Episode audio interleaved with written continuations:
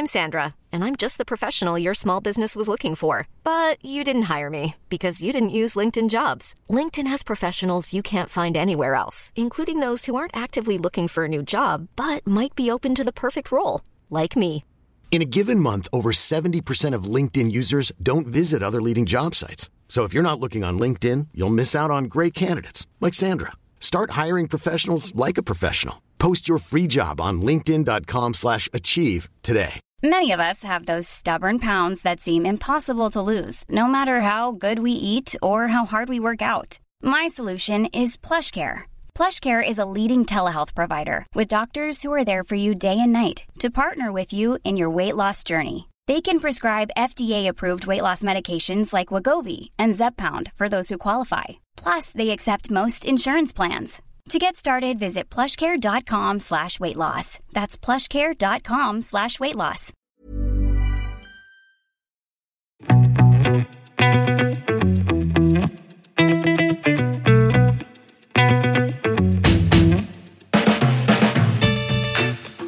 Velkommen til en ny episode av Klokkelandslaget. Denne gangen med gjest. Jon Henrik, har du lyst til å gjøre introduksjonen denne gangen? Ja, det kan jeg godt. Eh, Jørgen T. Helland. Jeg vet ikke helt egentlig hva T-en står for. Det er hemmelig. Det er hemmelig. Da lar vi det være hemmelig. uh, Jørgen er jo det jeg vil kalle en merkevareekspert. Uh, vi har hatt litt diskusjoner sånn frem og tilbake på Ja, det har blitt faktisk Det er noen år siden faktisk vi kanskje begynte med det. Ja. Men litt på, på Facebook om klokker. Han ser jo klokkeverdenen fra litt annet perspektiv enn kanskje det jeg og kanskje også du gjør. Jeg lar meg ikke lure. Nei. Eh, Men til daglig så er du, jeg måtte inn på LinkedIn her, Strategy Director i Neue Design Studio. Ja. Eh, kan du si litt om hva det er? Det er jo et eh, designstudio, da, et byrå som leverer all slags typer design. Stort sett visuelle identiteter og tjenesteutvikling og den type ting. Mm. Eh, jeg jobber jo med merkevarestrategi og historiefortelling i stor grad. Og så har vi jo en hel haug med grafiske designere, digitale designere og andre folk som hjelper med å gi liv til norske merkevarer. da. Mm. Men ikke noen klokkemerker på kundelisten ennå? De har ikke begynt å ringe, men jeg venter jo etter denne episoden at eh, jeg får litt nye kunder. Definitivt. For hvis man uh, googler på navnet ditt, så kan man jo komme og se på en sånn medium-side som du hadde Eller som det i hvert fall var sist oppdatert i 2019, så jeg. Ja, Men hvor du har skrevet noen veldig sånne interessante tanker om uh, forskjellige uh, uh, merkevaregreier rundt klokkemerker, og litt mer sånne perifere ting, eller ikke så veldig perifere, perifere ting, men Houdinki, da. Det er Ja. ikke direkte klokkemerker, men ja. Aktører i klokkeindustrien, man kan så kalle det. Men noen sånne veldig interessante og lange analyser av liksom Ja. hva, hva disse gjør, og hva de egentlig burde gjøre. ja, takk for den. Men eh, Eh, så jeg bare tenkte det, det er jo en sånn analyse av Houdinki der fra 2019. ja. Hvor mye av det du anbefalte, er det det de har gjort uh, nå, på en måte? Eller noe av det du mente de burde gjøre? Eh, Ja, de gikk jo tydeligere inn i uh, sånn eh, vanlig retail, eh, så vidt jeg husker. Og de har jo utvida produktspekteret sitt ganske kraftig. De har jo òg gjort en del av de der tingene som er litt sånn hva skal jeg si, sånn markedslederaktige handlinger. da. De har f.eks. prøvd å utviske dette skillet mellom eh, herreklokker og dameklokker, f.eks. Eh, og de har jo òg senka litt sånn eh, hva skal jeg si, jåleriet da, innenfor kategorien sin, og på en måte lagt litt mer sånn tilgjengelige eh, klokker og tilbud. Så de har jo i aller høyeste grad innfridd en del av de spådommene jeg trodde at de skulle gjøre, og så venter jeg jo egentlig litt på at de kanskje tar de neste stegene, da. Som ville være større push på retail, gjerne kjøpe et eh, klokkemerke f.eks., eller lage sitt eget. Eh, kanskje de ville satsa litt mer på alt det som ligger rundt eh, klokkeverden, og kanskje til syvende og sist òg tre ut av klokkeverden mer inn i fashion eller reise, f.eks., eller alle disse tingene som ofte ligger til sånne folk som oss, da. Mm. For de, som ikke vet hva Houdinki er, altså er de fleste som hører på det her, vet jo det, men det må jo, det er liksom, det er jo den rådende eh, tror det- tror- utenfor tidssonen, naturligvis, om klokker i verden.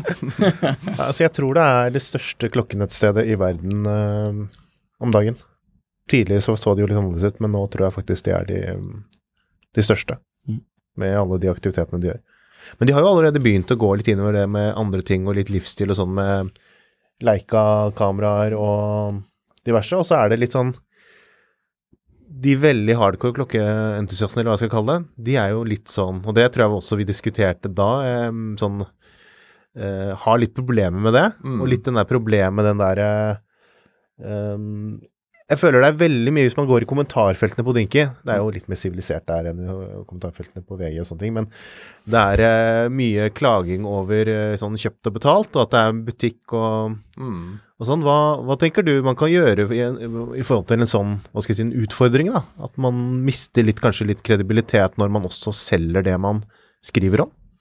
Det kommer jo an på i hvilken grad er kredibiliteten verdifull for virksomheten. da, sant? Altså at Klarer de å utvide kundegruppen sin og holde på å selge klokker og vintageklokker til klokkeentusiaster dagen lang, er jo tross alt en liten del av befolkningen. Eh, man må jo faktisk utvide perspektivet skal man få vekst. Man er nødt til å treffe flere potensielle kjøpere. Og så er det jo det at det er veldig mye av det som er verdiforslaget ut mot nettopp de eh, liksom, omkringliggende målgruppene, det ligger jo mye tettere opp mot hva er det de antar er kred fra sånne som gjerne oss, da, som har mer kunnskap og åpenbart bedre smak og lengre hår, ser jeg jo nå, eh, enn de aller fleste. Så eh, Lite frisørbudsjett. Lavt frisørbudsjett, høyt klokkebudsjett. Eh, nei, men altså det der med liksom opinionsdannerne da, og de som leder den opinionen, de preger jo de neste kjøperne. sant? De forteller jo hva er det som er bra, og hva er det som er, er dårlig. Og der tror jeg jo Hodinki har gjort det ganske klokt. De har jo knytta til seg veldig mange av disse opinionsdannerne, og mange av de var jo kjent i klokkemiljøet fra, fra før av, før de begynte å jobbe i, i Hodinki. Og så har de på en måte skrudd sammen denne her estetikken rundt sitt eget brand, som er lett til å eksportere til andre kategorier. da. Om det gjør oss eh, som er veldig opptatt av eh, nerderi i klokker, eh, mindre Hva skal jeg si? Eh, at vi føler oss mindre kjent igjen i den merkevaren nå, da, det tror jeg er ganske sikkert. Men hvis de gjør jobben sin skikkelig, så er det ikke noen veldig stor fare for at vi ikke kommer til å synes de er relevante. Mm. Det er bare det at vi har òg andre arenaer, tidssonen og utallige nettsteder og forumer som vi kan holde på for sjøl på. Mm. Nå gikk vi liksom plutselig inn i litt sånn eh, materie her med en gang. Men for du, du har jo skrevet ned noen sånne morsomme spørsmål, Henrik, som altså, egentlig hadde vært den beste introen, men så ødela jeg. Men Kan du ikke ta det, Jon Henrik? Hvilke tenkte du på? Vi har jo mange spørsmål. Altså, det, jeg synes Den første du har skrevet ned, hvorfor kjøper folk klokker i dag? Ja. Det er jo Vi vet Veldig jo at det er basic spørsmål, men, eh, og kanskje litt ulike meninger for det. Men Mm. fra ditt perspektiv da, Jørgen, hva tenker du om det? Nei, altså Det jo, går jo an å angripe spørsmålet på mange måter. Jeg skal prøve å ikke være så veldig eh, akademisk på det. Men det er klart, eh, det dere påpeker, er jo at vi har jo egentlig ingen funksjon. sant? Vi kan finne ut hva klokka er hvor som helst, når som helst. eh, Ta opp telefonen. Det er ikke noen problemer lenger med å forstå hva er tiden på døgnet. Så egentlig så kan du jo si at eh, klokker er jo bare merkevare. Mm. De har ingen funksjon da. De har bare mening. Og den meningen kan jo være mange forskjellige ting. En ting er jo at det, er eh, Det har en slags hva skal jeg kalle det, en, en funksjon å se ned på håndleddet sitt og se på, noe- se på noe man liker. sant? Eh, og så er det helt sikkert noen som vil filosofere langt inni at man, når man ser på håndleddet, så ser man seg sjøl i et speil, på en måte. Nei, eller det man liker å se i et speil, er vel mer riktig å si. Og så er det en annen dimensjon som handler om identitet, hva er det det signaliserer ut til andre, da. Så, men så er det jo sånn at eh, klokka har jo vært en del av kulturen vår lenge. Og, de har alltid vært brukt i denne identitetsfunksjonen. Og at eh, det er jo vakre designobjekter som tåler tidens tann, og det er det ikke Vi kan ikke si det, det om alle ting vi kjøper ofte og bruker mye penger på. Mange av de på en måte mister en del av sin både estetiske og eh, finansielle verdi eh, over tid. da. Mm. Så jeg tror klokker eh, betyr veldig mye for veldig mange, og de er på mange måter bærere av vår egen historie på et eller annet vis. Og jeg personlig er veldig fascinert av akkurat det greiene der. At det, man kan ta ei klokke, og så kan den plutselig ha ekstrem verdi fordi at den var i det øyeblikket i historien, enten personlig eller i offentligheten. da. Og det ser du jo en del av klokkemytologien som merkene prøver å nøste opp under òg, er liksom at Rolex er der når Wimbledon vinnes. Eh, og mange, Hvis du ser gamle Rolex-reklamer, er det ganske fascinerende, egentlig, men der understreker de ofte veldig sånn historisk eh, tilstedeværelse for klokkene deres. da. Og det syns jo jeg er utrolig gøy, må jeg si. Og jeg Mm. tror det er litt av grunnen til at klokker er populært i dag òg. Kan det ha noe om at at dette se tilbake-perspektivet, eller å være der når det er viktig? At, man, at så mange klokkemerker nå relanserer liksom gamle modeller fra ens svunnen tid? Mm. Det er jo en, en slags søken etter mening da, eh, i det landskapet. fordi digitaliseringen har jo ført til en liksom, ekstrem eh, økning av tilgjengelighet på klokkestoff og historier og merkevarer. Og at de alle på en måte kjemper om å ha en slags eh, hva skal jeg si, en, en relevans i samtiden med at de har vært der veldig lenge. Personlig så syns jeg at det er litt sånn eh, et lite feilspor for veldig mange klokker å se for veldig mye bakover. fordi egentlig så trenger vi jo disse tingene til å peke videre. Vi har jo liksom oppgaver å løses i framtiden. Mm. Så sånn ren nostalgia eh, tror jeg for øvrig kommer til å gli litt over som, som trend. Mm. Eh, men at eh, man skal ha tillit til noe for å bruke mye penger på det, det tror jeg er åpenbart. Og du ser jo en del av disse sånne relanserte gamle merker, de understreker jo ofte at ja, vi har jo holdt på med dette her siden liksom uendelig, uendelighet, egentlig. Og derfor kan du stole på å kjøpe denne nye klokka, som jo egentlig bare er to dudes som har kjøpt et gammelt klokkemerke. Og putte inn en, en, ny, en ny eh, bevegelse eller noe sånt. da. Men, men hvorfor tror du liksom de klisjeene, de fungerer jo, eller har fungert i veldig mange år?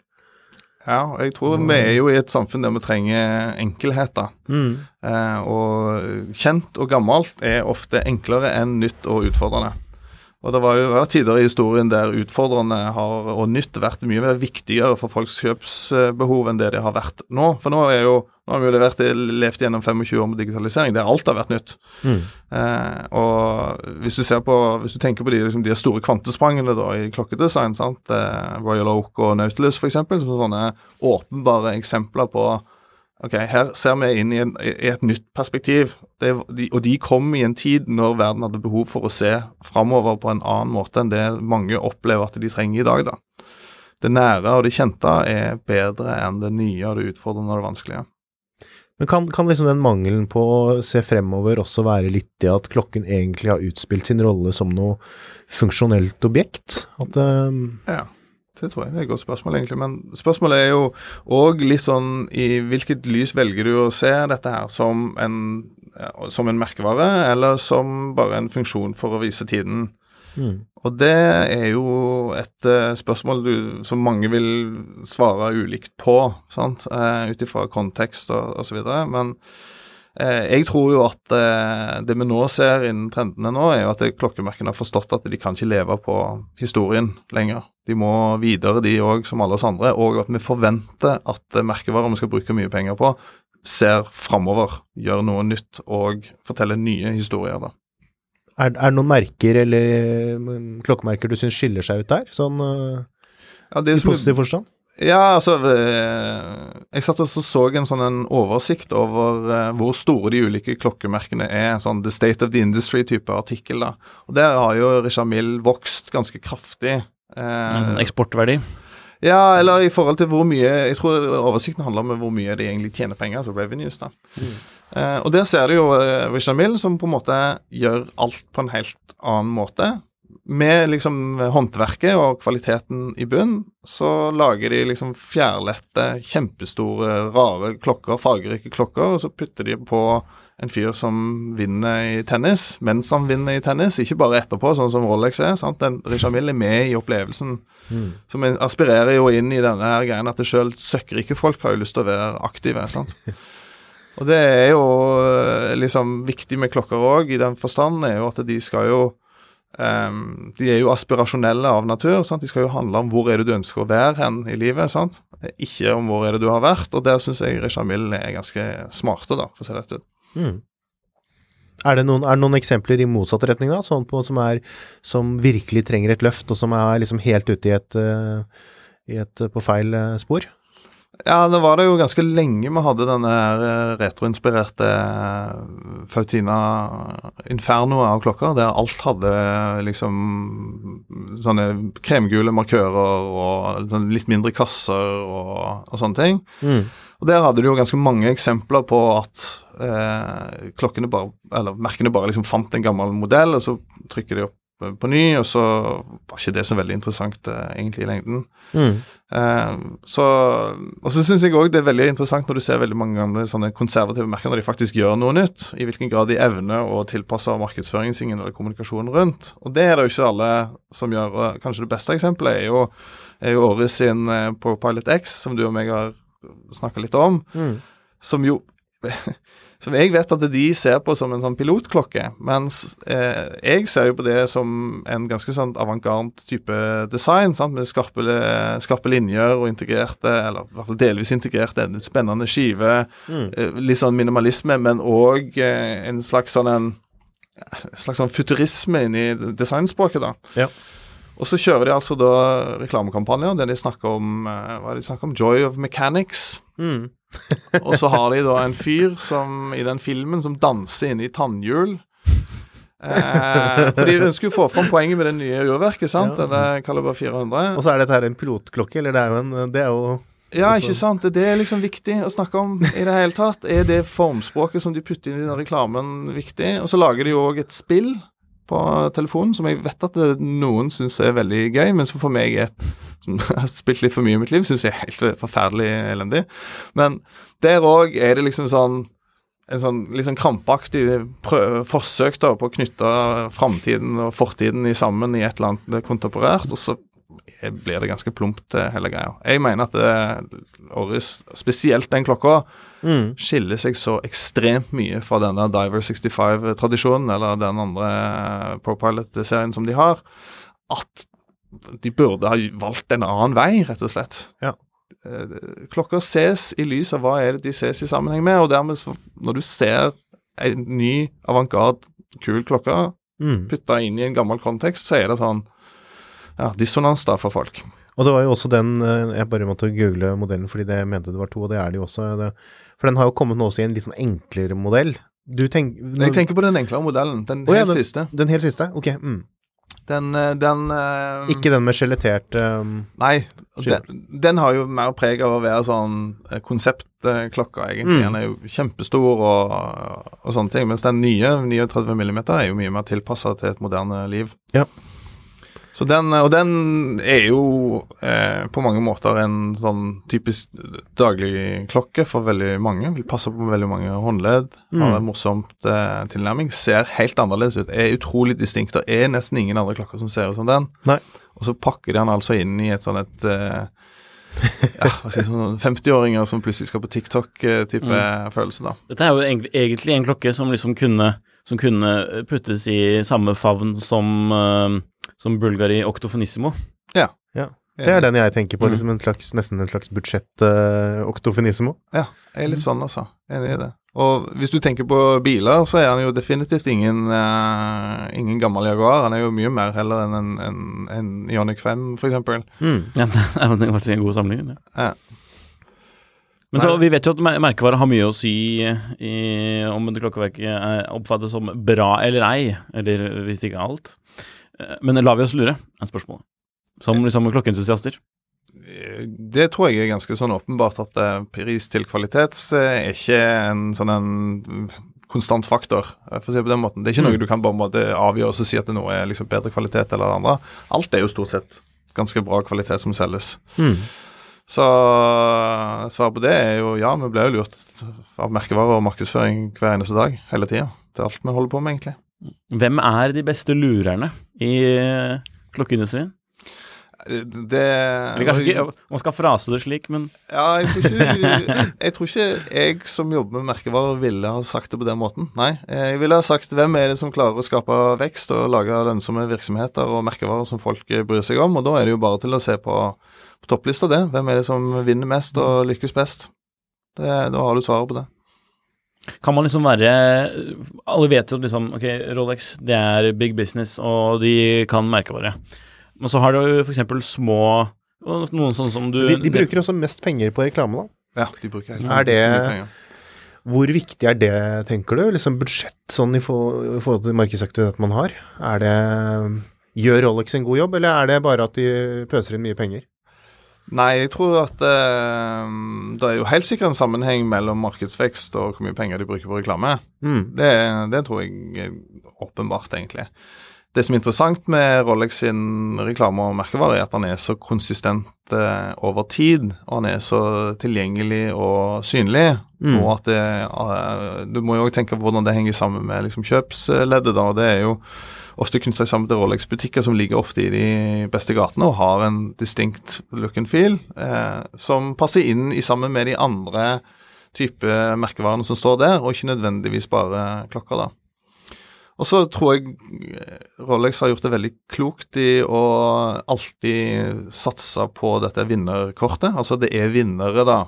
Og Det er jo interessant selvfølgelig i forhold til Omega, som ikke har den greia. De satser mer på liksom det glamorøse eller det mer vitenskapelige, sånn som Moonwatchen da er et godt eksempel på. Sant? At det, det er klokker som kan brukes, og de tåler den liksom eh, påkjenningen det skal eh, ved, ha ved å bruke det urverket til akkurat den månelandingsaktiviteten, da, som jo alle holder på med. Den er mer ja. Ja, det er morsomt. Hiring for your small business? If you're not looking for professionals on LinkedIn, you're looking in the wrong place. That's like looking for your car keys in a fish tank. LinkedIn helps you hire professionals you can't find anywhere else, even those who aren't actively searching for a new job but might be open to the perfect role. In a given month, over 70% of LinkedIn users don't even visit other leading job sites. So start looking in the right place. With LinkedIn, you can hire professionals like a professional. Post your free job on linkedin.com slash achieve today.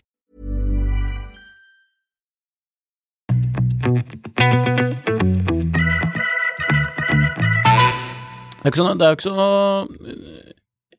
sånn, en, som, en ting som både Omega og Rolex er flinke på, er å bruke ambassadører. Mm. Det har jo vært, et, vært en greie i klokkeverdenen ganske lenge. Den første var vel jeg tror Rolex var vel blant de første til å benytte seg av en ambassadør, med hun, um, hun svømmeren på 20-tallet. Mm. Um, som jeg nå har glemt navn- etternavnet på. Mercedes. Ja. Gleitze, ikke det? Gleitze, ja. Ja. Mm. Hvor viktig er det egentlig? Altså, vi så jo for eksempel at uh, Longin uh, De lanserte jo ny ambassadør, uh, Jennifer Lawrence. Ja. Mm. Ja. Som jeg syns var litt interessant, fordi det er et veldig stort navn for et uh, midt, altså, midtsjiktemerke, da. Ja. Du kan jo òg argumentere at Haaland er et litt større navn enn eh, Breitling om dagen. Ja, ja. Kanskje ikke når han signerte, men jeg vet ikke. Ja, iallfall for folk som kommer fra der jeg kommer fra. Så er han et mye større navn enn Breitling. Ja. Uh, nei, men altså uh, Ja, nei, de bruker jo ambassadører da for å Tror jeg, for å både tiltrekke seg nye kundegrupper. Vekke oppmerksomhet blant andre mennesker enn det de vanligvis gjør. Mm. Og til å på en måte tilegne seg litt av den historien, da. Eh, som ambassadørene vil gjøre. Men det er klart, det er ganske stor forskjell, syns jeg, da, på Nadal og Rishar Mill og måten liksom, klokka er en del av det han holder på med, kontra skuespillere, som jo da må bruke den klokka som filmen skulle si at de skulle bruke. Mm. Så eh, for min del så er det mer sånn kjentfjes på en stor plakat. Kan være interessant eh, for eh, noen. Eh, og noen har mer eh, kulturell relevans enn eh, andre. Jeg tror som ambassadør så er nok Jennifer Lawrence ganske fantastisk, vil jeg si. Hun spiller utrolig mange kule roller og er utrolig flink sånn liksom til det hun gjør. Og så er det en viss sånn type moderne holdning i den liksom offentlige personen hun har, da, som ikke alle skuespillere har. For å si det rett ut. Eh, og så syns jeg òg at eh, en av de mest interessante eh, ambassadørene er jo, er jo Lady Gaga for Tudor. Som jeg syns var en skikkelig sånn kul greie. Både av at de putter klokka på henne som er kjønnsnøytral, og pga. hennes type posisjon innenfor veldig mange miljøer som ikke nødvendigvis er de mest eh, sånn klokkenerdete, for å si det, Mm. si det rett ut. Og så gir det et mye mer interessant visuelt uttrykk. Du må jo òg tenke på det at disse menneskene skal jo være på et bilde som skal klistres over en svær plakat på en flyplass som du er i en time. sant? Og hvordan de framstår eh, bare i bildet i seg selv, selv om du gjerne ikke kjenner hvem de er, er, et visst, eh, er jo et poeng, da. Så jeg skulle ønske at klokkemerkene hadde gått mye mer radikalt til verks på hvilke ambassadører de, de valgte. Mm. Og Tenker gjerne- du da i forhold til hvordan de ser ut, eller det ja, og hvilke type, de- hvilke type mennesker de er, Ja. og hvilke roller de spiller i samfunnet. Eh, liksom ikke bare folk som er utrolig kjente, men det er jo klart For globale merkevarer så skal jo de ha folk som er kjent over hele planeten, sant. Eh, men du kunne jo tenke deg helt klart ambassadørstrategier som var mye mer lokale. Men det er jo litt sånn selektert hvem de kan velge mellom også, for det, de, kanskje de mest, hva skal man si eh, uselviske menneskene som kunne vært sånn, sånn etisk sett ganske gode uh, til å, å representere en merkevare og hvor, vise hvor liksom gode de er. De er vel de som uh, ikke er ambassadører for noen. Det kan An- godt være at de vil liksom sak. redusere sin egen eh, integritet da, ved Ja, å være For eksempel, eksempel, du kan jo ikke være Rolex-ambassadør og president i USA. Mest sannsynlig. ja, men nå er, nå er vel Men- den levende president nesten å regne for Omega-ambassadør, da? er ikke det? Han har jo, han, jeg tror han hadde en Rolex på seg på innsettelsen Ja, det kan godt være. Jeg, Jeg lurer på om han hadde en, eh, en enkel Datejust. eh, Ja, det kan godt være. Nei, men du har jo rett i at det er jo en forskjell på å bruke ei klokke fordi at du må ha ei klokke på armen, mm. kontra det å få betalt av det klokkemerket for å bære akkurat den. Eh, og du har jo òg helt rett at mange av de ikke kunne senke sin egen integritet eh, på det. Så jeg ser helt klart den, den dimensjonen.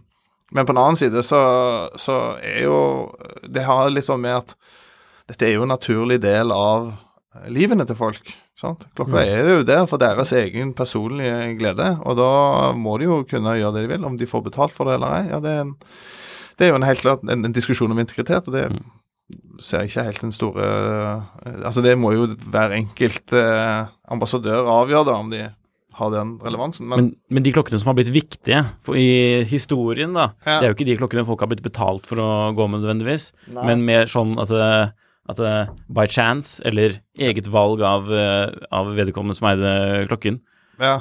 er det vel? Jo, det, du har jo rett i det. Og eh, jeg kunne tenke meg et par sånn På veien her borte så tenkte jeg hva er liksom de mest interessante klokkene i Norge, da? Sant? Sånn, du har jo liksom kongen sin eh, Rolex, sant. eh, og sånne. Sikkert ikke sponsa, det tror jeg er trygt å si. Eh, men så satt jeg og tenkte ok, men hva ville være interessante ting å ha nå, da? Så i Norge nå så er det jo eh, Nå er vi jo midt i fotball-VM, og det er jo en ekstrem sånn I disse dager en veldig sånn kulturelt interessant hendelse, da. sant? At det, plutselig så står jo alle våre verdier, eh, progressive verdier i den vestlige verden, liksom på spill, eh, knytta opp mot de mer sånn totalitære og vanskelige eh, problemstillingene som vi trodde at vi liksom var ferdige med. Og så kulminerer jo alt dette her da i disse veldig konkrete touchpointsa. Og da er det liksom sånn Det vil jeg tippe er en vanskelig problemstilling for visse globale merkevarer som står liksom midt oppi det. Hvordan er det de skal velge og ikke? Og jeg satt og tenkte sånn Hva for klokke hadde nå Klavenes på seg når hun holdt den talen, tenker jeg. Det er en sånn Og hadde jo ei klokke, jeg håper det ikke var en sånn pulsklokke. Garmin-ræl. Men men, men tenk på, da, på liksom at det, hvis det var et ur som var i den historien i det øyeblikket, da, hvor viktig den ville vært for utrolig mange mennesker eh, rundt omkring i verden. Og jeg tror jo at mange klokkemerker nå er nødt til å ta de, ta de valgene. Selv om de er konservative og kjedelige og tungrodde og alt, så kommer noen til å stikke hodet fram og til å lykkes med det. Lever Beckham eh, farlig? Ja, jeg tror jo at han lever farlig for visse deler i den eh, nordvestlige verden, for å si det på den måten. Og lever sikkert utrolig godt med andre, deler, andre deler av verden. Skikkelig Ja, Messi òg, sant. Skikkelig populær i Saudi-Arabia om dagen. Mm. Ja, ja. Jeg bare kom på et sånt litt morsomt eksempel på en sånn veldig alternativ ambassadør. Eh, Maurice Lacroix Ja. gjorde jo for noen år siden med litt andre typer profiler, da. Hvor det var eh, Ja, det var jo noen arkitekter og designere og sånne ting, men også han eh, Jimmy Wales som grunnla Wikipedia ja, ikke sant? som ambassadør Ja. på klokke, med liksom en sånn eh, Jeg vet ikke, kanskje vi kan finne, den frem, men eh, Det hvor det liksom var litt der Et eller annet med kunnskap og liksom veldig fokuserte rundt det, da. Mm. Ja, det er interessant. Så Det er litt sånn alternativ vri istedenfor å ha en lands Hollywood-kjendis. Ikke sant? Men, men spørsmålet ble jo med en gang i, i hvilken grad er det kjent nok til å drive, drive nye kunder og sånne ting. For det, historien er jo åpenbart interessant. Mm. Eh, og så er det jo da eh, altså Klokkemediene i seg sjøl de er jo utrolig flinke til å formidle disse historiene. Det er jo liksom Introen til enhver beskrivelse av en klokke eller en review er jo hva er, hvorfor er denne klokken sånn som den er? Hva er den bakenforliggende historien? Hva er konteksten, da? Mm. Og Da vil jo en type ambassadør som Jimmy Wales, som er jo en helt for, for mange, eh, på en måte gi en helt annen tyngde da til den klokken. Du har jo òg, for øvrig, eh, apropos året, så har du jo det, alle disse, disse Jazzmaster-kolleksjonene, som jo da ikke har ambassadører, men de er knyttet opp til kjente jazzmusikere eller sånne ting. Det er òg en annen type måte å se på ambassadører på, da. Mm. Knytter det opp til en kulturell kontekst heller enn til en, en konkret kjendis. Men tenker du det med ambassadører, er det, bærer det litt preg av litt sånn gammeldags tankegang og litt prestisje, kanskje, og, og sånn, eller er det noe Tenker du at det fortsatt er et veldig effektivt verktøy i forhold til det å bygge en merkevare og Jeg tror begge deler, egentlig. Jeg tror at det, altså, Å bygge merkevare handler i veldig stor grad om å, å få ting solgt. Mm. Sant? Altså, det, det, det hjelper ikke om du har en kjempebra merkevarehistorie og fine produkter og sånne ting, hvis folk ikke kjøper det. Så eh, ambassadører skal nok i stor grad hjelpe både til oppmerksomheten rundt merket, men òg å forløse liksom den der det der salget, da. Fordi når du står der og skal trykke på knappen eller kjøpe noe over disk med veldig mye penger på bordet, så, så kommer tillit inn mm. kjennskap og liksom den klassiske anbefalingen da, eller endorsementen, kan vippe den fra, et, fra en ting til en annen, liksom. Mm. Vi har snakket litt da om, eh, om faget, men vi må jo kanskje touche litt inn på din egen eh, klokkesamling da, Jørgen. Ja, det kan Fordi du er jo Klokke, klokkeinteresse. Ja, Ja, klokkeinteresse. Ja. Ja. Men jeg tenker liksom, når jeg sier klokkesamling, så mener jeg ikke den bokstavelig talt samlingen, men liksom kunsten å samle. Ja, nemlig. Ja. Nei, jeg, eh, jeg satt og tenkte på det òg i morges, at eh, jeg eh, hadde en periode der jeg var veldig interessert. Så da jeg skrev alle disse artiklene på Medium, da liksom fant jeg liksom den der Nå går jeg i dybden på disse greiene her. Mm. Og så bader jeg i dette en periode. Det er litt sånn som man Sånn som jeg jobber med kunder, egentlig. Sant? At du går veldig langt nede i en eller annen type materie, og du ja, våkne opp om natta og komme på et eller annet greier du er nødt til å skrive inn et eller annet sted, eller en god formulering som du ikke fikk på plass, eller noen sånne ting. Um, så da var jeg veldig interessert, og kjøpte og solgte og sto i. Og så begynte jeg jo da, sånn som veldig mange andre vil beskrive òg, å finne liksom sine egne liksom, Hva er de tingene som jeg holder fast i ved dette her, da? Og da ble det jo både liksom den rent sånn estetiske, den, liksom de optimale tingene, sant, at det, ting skal passe til det du skal bruke de til. Sant? At det, ikke for stor, ikke for liten. Vanntetthet, reim, ikke reim, lenke, ikke lenke. Alle de, alle de greiene der kan jo folk nøde ned på i evighet. De kan jo holde på med hele livet og optimalisere sin egen, egen samling. sant? Yes. Så det liksom fant jeg liksom glede i, og fremdeles gjør i grunnen. Mm. Og så var det jo det andre, da, det med liksom historiene og hva er det som ligger bak de, og alt dette her som jeg syns var fascinerende. Og veldig raskt så kom jeg jo til det konklusjonen at eh, merkevarenes eh, liksom måte å markedsføre seg hadde jo mer eller mindre ingen verdi for meg. Eh, det, var, det var ikke der eh, liksom lidenskapen min lå, da, for å si det sånn.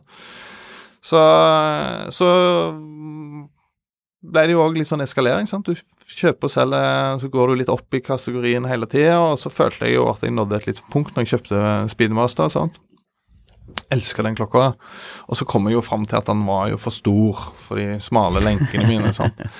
Eh, og så Nå, etter hvert, så lagde jeg vel meg en egen sånn en liten kode for hvordan er det jeg kan ha dette her. Og det er jo at jeg har en jeg har et par klokkebokser, men jeg har én som jeg liker, og den har bare plass til fem. Og det, det er det som går inni der. Det går fem klokker inni der. Og de skal tjene ulike funksjoner. Og der er det både liksom den jeg bruker til vanlig, eh, og så er det eh, en klokke som jeg arva fra familien. Og så er det eh, noen, en prosjektklokke, og så er det en sportsklokke, og så er det Ja, nå er jeg på fire. Eller er jeg på fem? Altså, Størrelsen på klokkeboksen er mer et konsept heller enn en veldig konkret ting, har jeg Mm. funnet ut. Så, Men har du, men har du klokkeboksen, og så har du noen uh, perifere klokker som, uh, som ikke er klokkeklokker, men klokker som du har liggende i skuffer? Ja, det har jeg. Jeg finner klokker rundt omkring i huset. Noen gamle Casioer og, Ja. og noen uh, Swatch-klokker jeg fikk uh, da jeg var liten og sånne ting. Og så Ja, så har jeg jo ting som jeg har kjøpt i gave til kona mi, f.eks., som hun aldri bruker. Så de òg ligger, de også ligger litt rundt omkring. Men hva er det du har på armen nå? Dette er min uh, Universal Genéve Polrater. Kanskje du har lyst til å vise den til eh, kameraet og legge den på den eh, coseren vi har på bordet. Vi må jo anbefale folk som vanlig å også ta en liten titt på YouTube da, for å få med seg eh, det visuelle aspektet ved podkasten. Ja, den er jo veldig høy visuell eh, verdi på denne podkasten. Mye langt hår. eh, Langt hår. Ja. Nei, men eh, den eh, Historien rundt den er at jeg eh, I fjor så bodde vi i Spania, og eh, jeg eh, hadde jo veldig lyst på en polvater. Jeg er veldig fascinert av den historien rundt eh, polvater og, og liksom flyvningen over Polen og Altså, ikke Polen. Polen. ja. det er en annen polvater. Eh, og Gel Genta eh, som liksom designer, da. Mm. Og så hadde jeg vel egentlig bestemt meg lenge for å kjøpe en, og så var jeg alltid likt veldig godt den der med at skivene patinerer og den kransen inni liksom ikke gjør det. Alltid likt den følelsen, og jeg likte egentlig at det jo slitnere de ble, jo bedre ble de. og så fant jeg en fyr på um, en spansk, eller en sånn en uh, Finn-aktig tjeneste til Wallapop. Sparte en som Så var jeg i Barcelona. Han eh, ble enig om å, å komme og møte meg. Og så øh, satt vi der, og så, og så syns jeg egentlig at det, at det var litt uh, dyrere. Han hadde lagt den ut for 1000 euro, tror jeg. Og så sier jeg tar du den for uh, Gjør den til meg for 600, sa jeg. Og så tenkte jeg jo aldri at han kommer til å si han, Og så sier han ja, 700. Ok, greit. Tenker det, det er sånn type dealing som gjerne ikke skjer så veldig mye i Norge. At man Mhm. bare gir en mye lavere pris, og så selger de den for at vi skal bli kvitt klokka, da. Og så er han jo veldig gøy, fordi at han har jo en eh, skygge på der han har tydeligvis ligget veldig lenge, på klokka ti. Eh, så det er en skygge som peker med minuttviseren opp på klokka tolv, og en på klokka ti. Da må, må jo forklare hvorfor, hvorfor han har skyggen, eller Ja, ja, for de som hører på. Nei, han må jo ha ligget bare helt stille, da.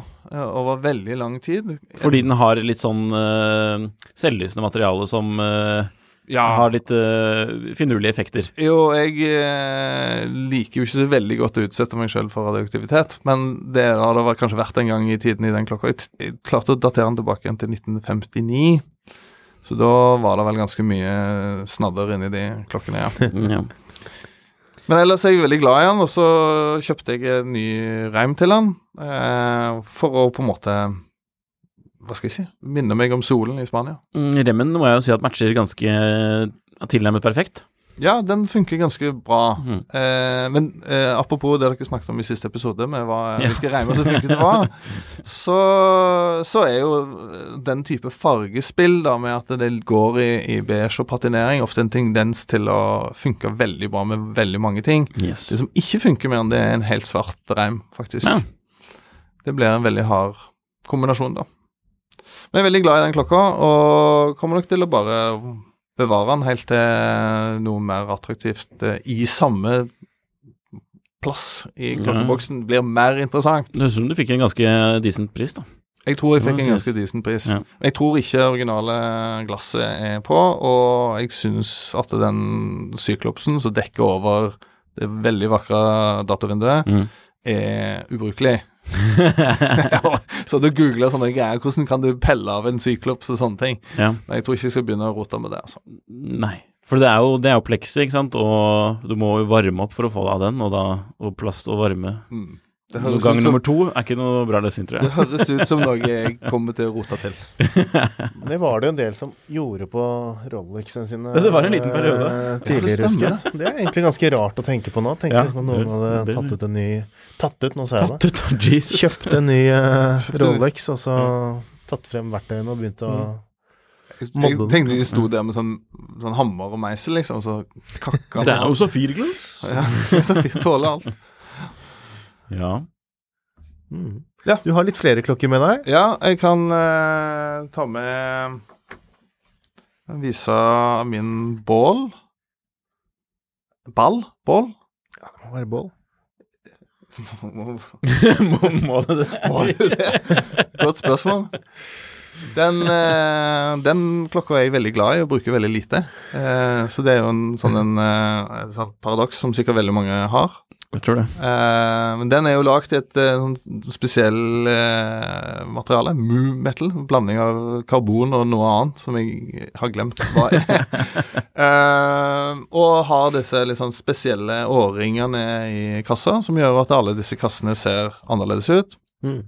Jeg husker jeg kjøpte den mens jeg satt på flytoget. Eh, på vei til et eh, møte der jeg var ganske sikker på at jeg kom til å få beskjed at jeg ikke hadde jobb lenger, eller at jeg ikke var ønska lenger, og var ganske mørk til sinns, kjenner jeg. Det var, det var en iskald morgen, eh, og um, man, husker du kunne liksom personalisere klokka, da, som man kunne, kan gjøre på noen ganger når man bestiller online. Så jeg fikk den personalisert med tallene 666 eh, på baksiden, og en eh, kul rakontørslåt som heter Shades of Black, som illustrerer Som jo er ofte sånn Det er et velkjent fenomen innen eh, låtlaging at det at låter som er lagd ut av pur bitterhet, er ofte veldig kule. og så den låta er der. Og eh, Jack White og gjengen de har lagd den låta, og det er en fantastisk versjon med Adele som synger den. Og hun har mye bitterhet og skuffelse i livet sitt, som sikkert mange kjenner til. Så den klokka minner meg både om den, eh, den dagen, og, eh, og så liker jeg den greia med at han er liksom både sporty, men ikke så veldig stor. Han er bare 40 millimeter. Og så er det jo den fantastiske lumen, da, apropos eh, ting som kan Radioaktive materialer. Jeg tror det er ganske trygt nå, altså, men, men Det han eh, lyser jo opp et rom sant, eh, når du bruker den, da. Så Jeg det- googlet hva mu-metall er, Ja, sånn av eh, ren nysgjerrighet, og det viser seg at det er nikkel, jern, kobber og molybe... molybdendum, eller blablabla, et eller annet. Mhm. Som siste, som er helt uvisst hva er. Nemlig. Men det som er bra med det, er at eh, det uh, deviates static and low frequency magnetic field lines. Det må jo jeg ha. Sant? Ja. While the lightweight carbon provides excellent resistance to scratches and impact. ikke sant? Dette Ja. er jo eh, dommedagsklokka. Så når apokalypsen skjer, så er det den greia du har på deg. Fordi da kommer det veldig mye sånn magnetisme som Yes. stråler ut. Det ut, ser da. veldig kult ut. da. litt sånn Det ser veldig kult ut. Damask, Ja, faktisk. Det, det ser fetere ut enn karbonen man eh, får i en eh, annen klokke med tilsvarende pris. Ja, ja, ja. Eh, ja jeg er veldig overraska over at ikke alle bare kjøpte den. Mm. Men det er jo, apropos markedsføring, sant? det er jo et ganske sånn ukjent merke med en litt sånn rar, rar historie med denne tilknytningen til den amerikanske jernbanen og sånne ting. Mm. Noe som jo fører til at de legger på den der eh, jernbanelogoen i enden av sekundviseren, som jeg tipper at det ganske mange synes er litt sånn overflødig. Jeg er litt enig. Ja, den er, da, noen av de klokkene som er veldig sånn rare på det, de er sånn over overdesigna, eller liksom overingeniørete. At noen tenker at jo mer features du putter på den klokka, jo bedre er det da. Ja. Men, eh, de, men når det er sagt, de kunne ha gjort veldig mye mer ut av den historien, og de kunne ha lagt mye kulere klokker hvis de bare hadde forstått seg på at eh, 43 millimeter er ganske kraftig for Ja. veldig, veldig mange, da. Det prima eksempel på sånn, det er jo den, eh, den eh, klokken jeg som heter Engineer, Ja, ja, ja. som, som er litt sånn, litt sånn sub-aktig, ja. men den, bare, den bare har all of the details. Ja. Smøre på, sant. Bare kaste på masse Ja. forskjellig stæsj. Men det, Det er, det, eh, er jo en, det er jo en greie du ser på mange, mange klokkemerker, er jo det at de er gjerne veldig sånn ingeniøraktige tilnærming til klokken. Mm. Altså um, Jeg kjenner jo veldig mange som er UX-designer, folk som jobber med de digitale grensesnitt, og de er jo trent inn i å se hva er det problemene folk har når de kommer til et nettsted. Og så har de noen ganger så tar de jo det, liksom den tankesettet som en sånn ingeniørløsning. sant, Det er et problem, det skal løses. Og så tar de det inn på, i klokkedesign. sant, det er liksom et problem med størrelsen, eller det er liksom, du må ha den og den greie for å forløse salget, og nå skal alle ha liksom integrerte lenker med blå skiver, sant. Eh, og så blir det mer en sånn en oppsamling av av funksjonalitet, da, heller enn en designmessig inspirasjonell del, der noen har på en måte tenkt for seg hvordan er det dette skal fungere inn i samtiden, i kulturen, for mennesker osv. Mm. Og dermed så ser du utrolig lite sånn nytt, inspirert eh, design da, innenfor klokker. Du ser det kanskje mye mer i ja, kanskje i noen biler, f.eks., eller uh, Og i mote, selvfølgelig. Der er jo liksom hele industrien drevet rundt akkurat den, den kreative utfoldelsen som skal treffe mennesker, da. Det mm. syns jeg òg du ser på mange eksisterende og nye, nye, merker, at de tar egentlig ganske lite risiko da, i designet. Mm. Men det er jo morsomt da hvordan noen sånne, hvis man skal Apropos sånn jakker og eller eh, klær og tekniske klær og sånn, hvor mye de prøver å etterligne eller, og hvor mye de prøver å være et bra materiale, mm. med, alt, med, sånne lange lister med tech og alt mulig, mm. og så kunne bare noen fortalt dem om konseptet saueull. Er liksom ja. ja, ja. Jeg er enig i det. Men, men uh, Kanskje en liten avsporing, men det er utrolig interessant det der greiene med hvordan uh, sånn utendørstøy nå uh, går inn i en mye mer sånn raffinert visuelt landskap, da.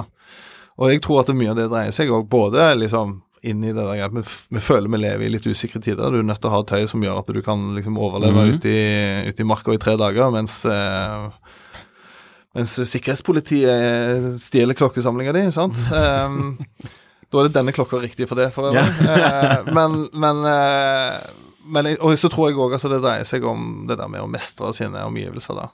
Og der tror jeg klokkebransjen har mye å lære, egentlig, fordi at de er så utrolig konsentrert rundt noen veldig få spesifikke tidspunkter, som jo er bare en liten del av det moderne mm. menneskets liv.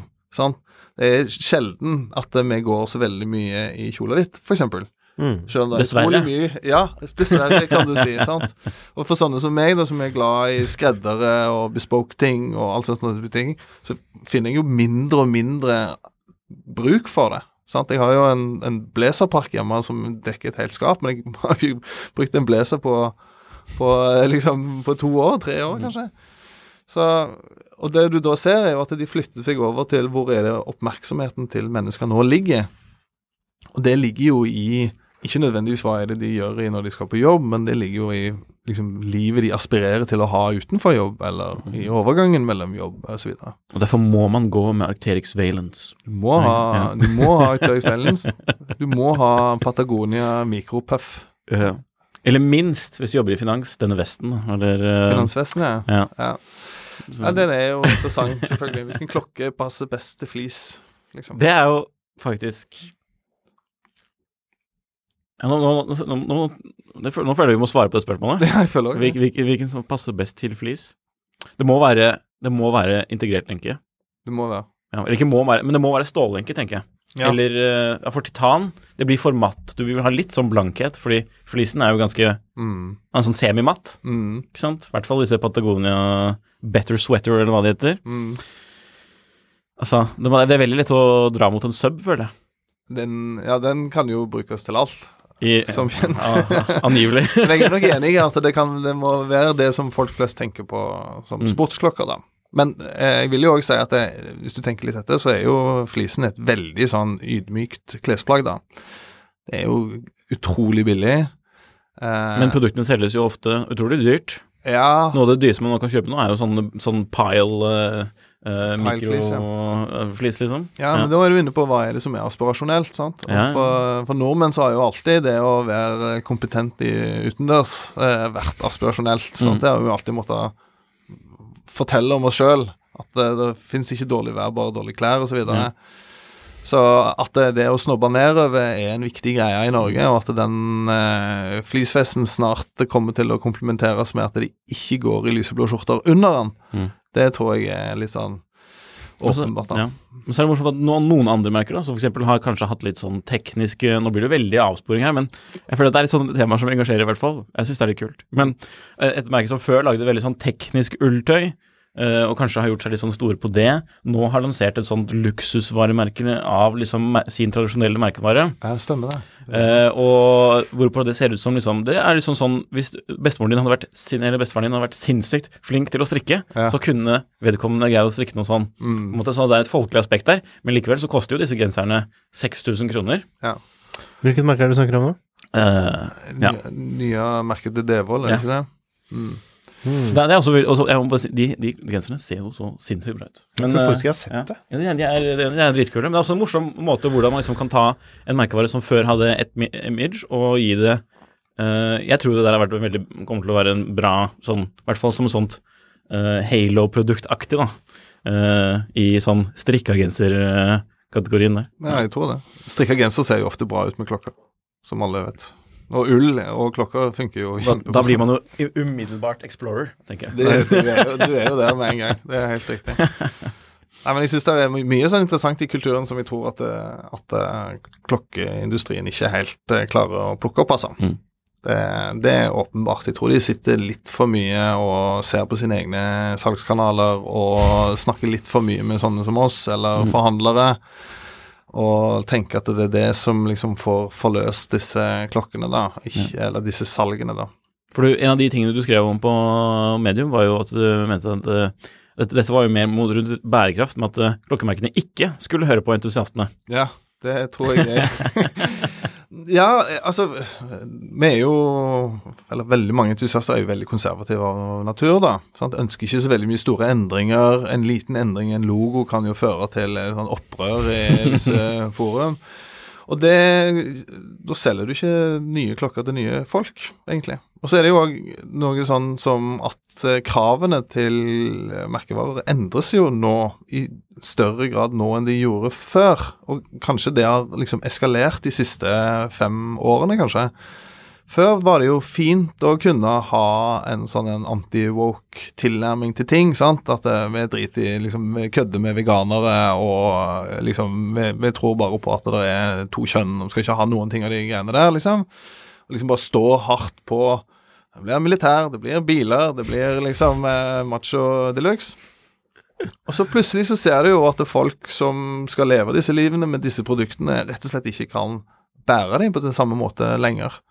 At sjøl de mest tøffeste har ikke lyst til å si at eh, jeg liker krig, liksom, gjennom klokka mi. sant? Og, eller at jeg syns det er greit å, å, å drepe dyr som ikke har det bra, for å lage reimer, eller at jeg syns det er fint å bruke helt obskurt mye penger på et produkt som jeg ikke trenger. sant? Alle disse tingene kommer til å prege klokkeindustrien på et eller annet eh, vis. Og da tror jeg jo at det er de som er først, eller flinkest, da Å være først er ikke alltid det viktigste, men å være flinke på det, de kommer til å lykkes. F.eks. Rolex, for eksempel, de gjør ganske mye på, på bærekraft rundt produksjonsmetodene sine, og hvordan de eh, får tak i materialene, og hvordan de behandles, osv. Men forteller de veldig mye om det på den, åp- altså på den vanlige siden sin, eller må man inn på den der med den der Foundation. eh, ja, foundation-siden da? Jo, det er helt riktig. Og det er jo òg fordi at eh, når du skal presentere et salgsbudskap mot eh, publikum, så må du jo prøve å fokusere på de tingene som er aller viktigst, og viktigst for flest. sant? Det er derfor ofte at man ser på store merker at de føles litt sånn generiske, liksom. Sant? Ja, Clooney appellerer til menn og kvinner, det vet vi. eh, så, så, så du må gjerne gå og lete litt lenger ned. Eh, men så plutselig så havner du jo i de situasjonene der du blir utsatt for eh, press, da. At du kan få en negativ sak, og at den negative saken kan skape et bilde av at eh, du ikke henger med i tiden. For det å ikke henge med i tiden er jo ironisk nok for, for klokkemerker eh, noe de er ganske flinke på å gjøre. sant? Eh, så der ligger det jo åpenbart muligheter, da. Både i liksom salgsledd og bærekraft og hele pakka. Mm. Ja, det, er, det er veldig forskjell på noen som liksom fronter det veldig hardt, Mm. som for eksempel Loris, som vi har vært inne på da. Mm. Og det var det en sånn litt sånn uh, tøysepost uh, Jeg vet ikke om du så den, Nikolai? Det var Nei. den derre Horological Dictionary som, som lagde en sånn tøysepost med en orisklokke, jeg tror det var i går eller forgårs, hvor de skrev eh, 'Hvis ikke du kjøper denne, så dreper vi et eller annet dyr', eller altså. Bare helt sånn ekstremt, da. Det er bare liksom ikke noe Bare sånn helt Ja. Ja, ja. Så, Hvis du ikke kjøper denne klokka her, så sponser vi Saudi-Arabia. Ikke sant? ikke sant? Det var nummer inntil det. Så det er liksom Men eh, det er jo liksom forskjeller på de merkene, også de som, som Rolex, som du sier, da, som hvis man ser på materialet, så står det kanskje som en pop-up, eller altså det, det kommer frem at ja, dette her er Eller Ch- Chopard, ja, som har gull som er Fairmind, altså de, og, og diamanter som er Altså at det er Hvis man ser etter det, så, så får man svar. Ja. Men det er ikke det de liksom leder an med på en stor banner, at hei, vi sponser det og det, eller vi Nei, jeg tror, jeg tror, jeg tror at for, for noen kunder så vil det være liksom i kjøps I kjøpsøyeblikket mm, så er det kanskje viktigere, faktisk. mm, Fordi da, da står du der med pengene i hånda, sant? og så skal du liksom bruke veldig mye. Og så Mm. liksom hvem, hvem er jeg når jeg nå kjøper dette produktet, da? mm, Og det, og det blir du konfrontert med i mye større grad. Det er ikke sånn at folk nødvendigvis går med en sånn mental liste på Nå må jeg sjekke om at alt liksom er, er liksom korrekt for denne klokka når du står og skal kjøpe den. mm. Men til syvende og sist så, så, så er det altfor mye penger, sant? Mm. Til at du bare kan splæsje det ut. For de aller fleste kjøpere så er det jo det. Mm. Og, og litt sånn som den eh, at eh, Richard Mill da er sporty for veldig rike folk, at de òg har lyst til å aspirere mot å være sporty. Så er, jo, er det jo òg litt sånn at sjøl den mest eh, hardbarka burgereteren på et eller annet vis har lyst til å se ut som han faktisk lever i den tiden vi gjør i dag. Mm. Det, det, merkevare er eh, spennende greier, det. Vi kan jo avslutte med et sånt eh, prosjekt du hadde eh, Eller når var det? Jeg bare vet at det er et prosjekt, eller var et prosjekt. Det var et prosjekt, ja. Augustum. Augustum, ja. Ja, jeg har gjort en del forskjellige typer prosjekter. Og jeg husker at det prosjektet der ble liksom Jeg kom i den tiden jeg var veldig fascinert av disse historiene da, som klokker bærer. Og da var det sånn at far min skulle pensjonere seg, og eh, han har hatt en lang karriere med å eh, lære opp eh, de smarteste ungene i Sandnes eh, på videregående skole. Eh, og var veldig opptatt av internasjonalisering og av samarbeid på kryss og tvers av landegrenser. Og har alltid vært en veldig sånn nysgjerrig type, da. Leser fryktelig mye. Så jeg fant ut at jeg Og da liksom satt jeg midt oppi det der greiene. Ganske fascinert av sånn psycho-mod-verden, egentlig. Syns det var en sånn Psycho som merkevare er fascinerende. Jeg kan ha en egen episode bare om det. Men, eh, og så fikk jeg da Gikk jeg på et forum. Fant en fyr som kunne sette sammen eh, Seiko-klokker, og fikk lagd to klokker. Den ene klokken fikk han eh, den dagen han pensjonerte seg, og kunne bruke da ved det første året sitt på, i friheten, for å si det på den måten.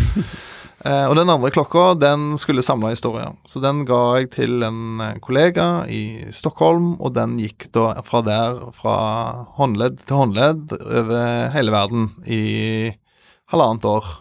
Ett år, halvannet år. Ja. Det var mange spennende steder, og alle de som hadde vært borti klokka, eller bårene, det var jo vidt forskjellige typer mennesker. De sendte en liten mail og spurte om noen svar. Sånn, hva, hva, hva følte du? Mm. Type greier, og hva har skjedd, med, hva har skjedd i livet ditt eh, når du har båret denne klokka? Mm. Og fikk jo en utrolig fin sånn samling med historier, da.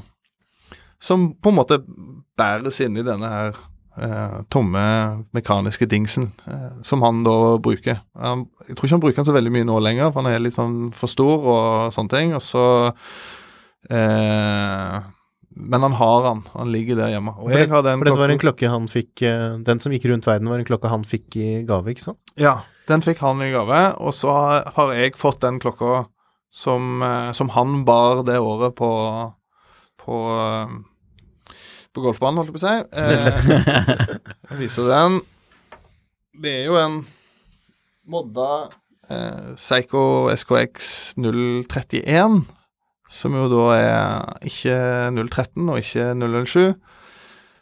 og det kom egentlig av at han som modda han, veldig hyggelig, hyggelig fyr, mente at det var liksom den riktige kassa for dette, da. Når jeg gått ut av produksjon og var litt vanskelig å finne og sånne ting. Og så er det jo òg sånn at han eh, denne kransen, eller besselen, den, den i dette tilfellet eh, er bare en helt sånn vanlig aluminiumsgreie som liksom har spart på alle de der ripene, da. Ja. Som jeg liker ganske godt. Og så er det jo forskjellige deler og sånne ting, og det, ingenting matcher jo, og det er liksom, liksom rart, hele greia. Og jeg, jeg bruker egentlig aldri denne klokka her, fordi eh, For det første så har jeg liksom tviler jeg litt på at han tåler tung bruk. Eh, den ene tingen. Og den andre tingen er at siden jeg tenker veldig mye på det første året i friheten som den var en del av, så finner jeg sjelden den samme vibben sjøl, Ja. på en måte. Vente til du går av med pensjon. Ja, kanskje vente til å gå av med pensjon, da.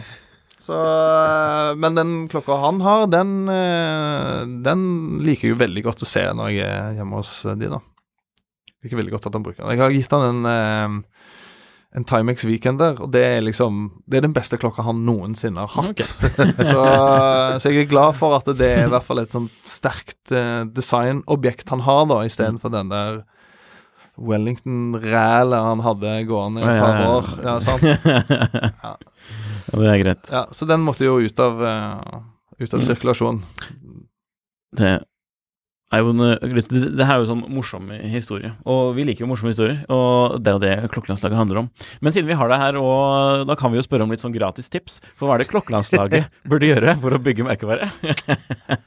Klokkelandslaget Ja, dere har jo allerede bra merch, eh, Vi har skaffet caps, og Ja. for de som ser på, så ser den slik ut. Den er blå, sånn eh, baseball-caps-aktig. Og Jørgen, som eh, gjest, så blir den da overrakt til deg Ah, nå. nydelig. Vær så god. Deilig. Og så kan du svare på spørsmål. Så da blir du en slags ambassadør for uh, Jeg er en ambassadør, ja. Mm, Apropos ambassadørstrategien. Ja. Nei, men altså Det er vanskelig å ikke angripe det litt sånn profesjonelt, da. Og da må vi begynne å snakke om hva er det dere ønsker å oppnå med klokkelandslaget. World fame. Nei, men Jeg skulle altså, kunne gå inn på en, en Rolex-forhandler og bare komme kommer med brettet fullt av hvilken vil du ha? Vil du ha to? Tre? Vil du ha tre? Ja. jeg trodde du var der allerede. Nei, da, det, vi har jo lyst til å, å, å, å fortsette med noe som vi synes er gøy, og at vi, vi vil gjerne bygge flere lyttere også, da. Mm. For at uh, lyttertallene er jo offentlige, man kan jo se på, uh, på podtoppen. Mm. Og vi har jo, det er faktisk eh, vi er litt fornøyde. Ja, det vokser man jevnt og trutt, men Man kan vil alltids vokse mer. Det kan alltid vokse mer. Mm. Ja, så da er det jo eh, Da må dere jo begynne å snakke svensk, for det er jo et stort marked. Og så er det jo Tyskland etter det, vanligvis, for norske merkevarer. Nei nei, Men, eh, nei, men det er klart at det Vi dubber. dubba YouTube-videoer. Å, det var nydelig. uh, nei, men altså dere, Det er jo et stort tema, sant? Mm. Eh, og det er jo veldig lett, eh, sånn som apropos Hodinki, sant, å bare nerde ned på akkurat de detaljene som man kan snakke om i evigheter, og som eh, noen ganger kanskje bare burde være eh, én og én, for å si det sånn. Så utvidelse av tema vil jo være et eh, åpenbart eh, grep, det. For en andre type folk som gjerne ikke er interessert i klokker, men å snakke om klokker med de. Mm. Det er jo Fleecegensere. Fleece-entusiaster. eh, det du burde få tak i, er jo åpenbart sånne friluftsfolk, og så begynne å snakke om hvilket eh, ullundertøy som er best for hvilket forhold. Det Og hvilken klokke som matcher. og hvilken klokke som matcher, sant. Ja, eh, da har du jo eh, Da har du nå en, en, stor gruppe. Nei, og så syns jeg jo det er interessant med sånn populærkultur, da. Sant? At eh, hvilke mennesker er det som er i, i tiden, eh, og hvem er det folk er interessert i? Og så vil jeg òg oppfordre til å ha substans i det, da. Vi lever jo i et samfunn der eh, hvem som helst åpenbart kan være eh, kjendis i kortere og lengre perioder, og de resirkuleres jo hver sesong. Eh, så jeg ville kanskje søkt litt mer tidløshet, eh, for å si det på den måten. Og, og så Ja. Der, der vil jeg ha begynt. Og når det gjelder liksom selve deres personlige behov for å framstå som både konnoissører og flinke og karismatiske og sånne type ting, så vil jeg vel kanskje ha eh, lagt mer innhold som handler om deres egne personlige preferanser, da, for å si det på den måten. Dere har sikkert lagt merke til det. Hodinki er jo interessant der, fordi Climber og Pulverent og Forster de lever jo egentlig ut livene sine i Hodinki de første årene der. Mm. Det er jo egentlig det de snakker om. Jeg husker jeg så videoer med Climber når han kjørte rundt i den der gamle Den gamle Porschen sin, var det vel. Ja, den som var sånn um, Zagato-bygget. Ja, det var noe helt elleville Ja, det, var, der. Ja. det var jo Har vi budsjett til det, eller er det Egna med det, har ikke de litt eh, sånn rause budsjetter da, her oppe på Oslo vest. Men vi, vi, vi takker for tipsene, vi. Jo, jo, bare hyggelig. Hvis du ikke skulle trenge et redesign, eksempel, så burde det være innenfor mulighetens rammer. Si det Ok, okay, ok, ok, ok. Da vet vi hvem vi skal ha kontakt med. Og hvis dere som hører på trenger merkevehjelp, så kan man naturligvis ta kontakt med Jørgen. Jeg er ikke vanskelig å få tak i, for å si det sånn. Nei. Litt for lett tilgjengelig. Burde øke uh, eksklusiviteten på mine tjenester. Den er god. Vi takker så øh, veldig mye for at du kom.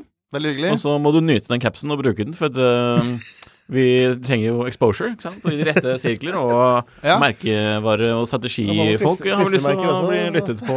De skal lytte på oss, ja. Det skal jeg gjøre. Jeg skal prøve å, prøve å spre det glade budskap i mine kretser, ja. Tipp topp. Eh, takk for at eh, dere hørte på Klokkelandslaget, og takk til Jørgen som kom. Eh, husk å høre på Finansavisens andre podcaster, f.eks. Mil etter mil, en podkast om bil, Ukens vintips øh, og Kunstpraten. Og morgenkaffen, til og med, som vi sitter med kaffekopper her. eh, som dere ikke kan høre, men se. Eh, Jon Henrik han driver jo tidsånd.no, så vi må jo anbefale folk å gå inn der og registrere seg og diskutere litt på forum også. Eh, følg oss på YouTube, alle disse sosiale mediene. Og det var nok reklame for i dag. Ha det bra.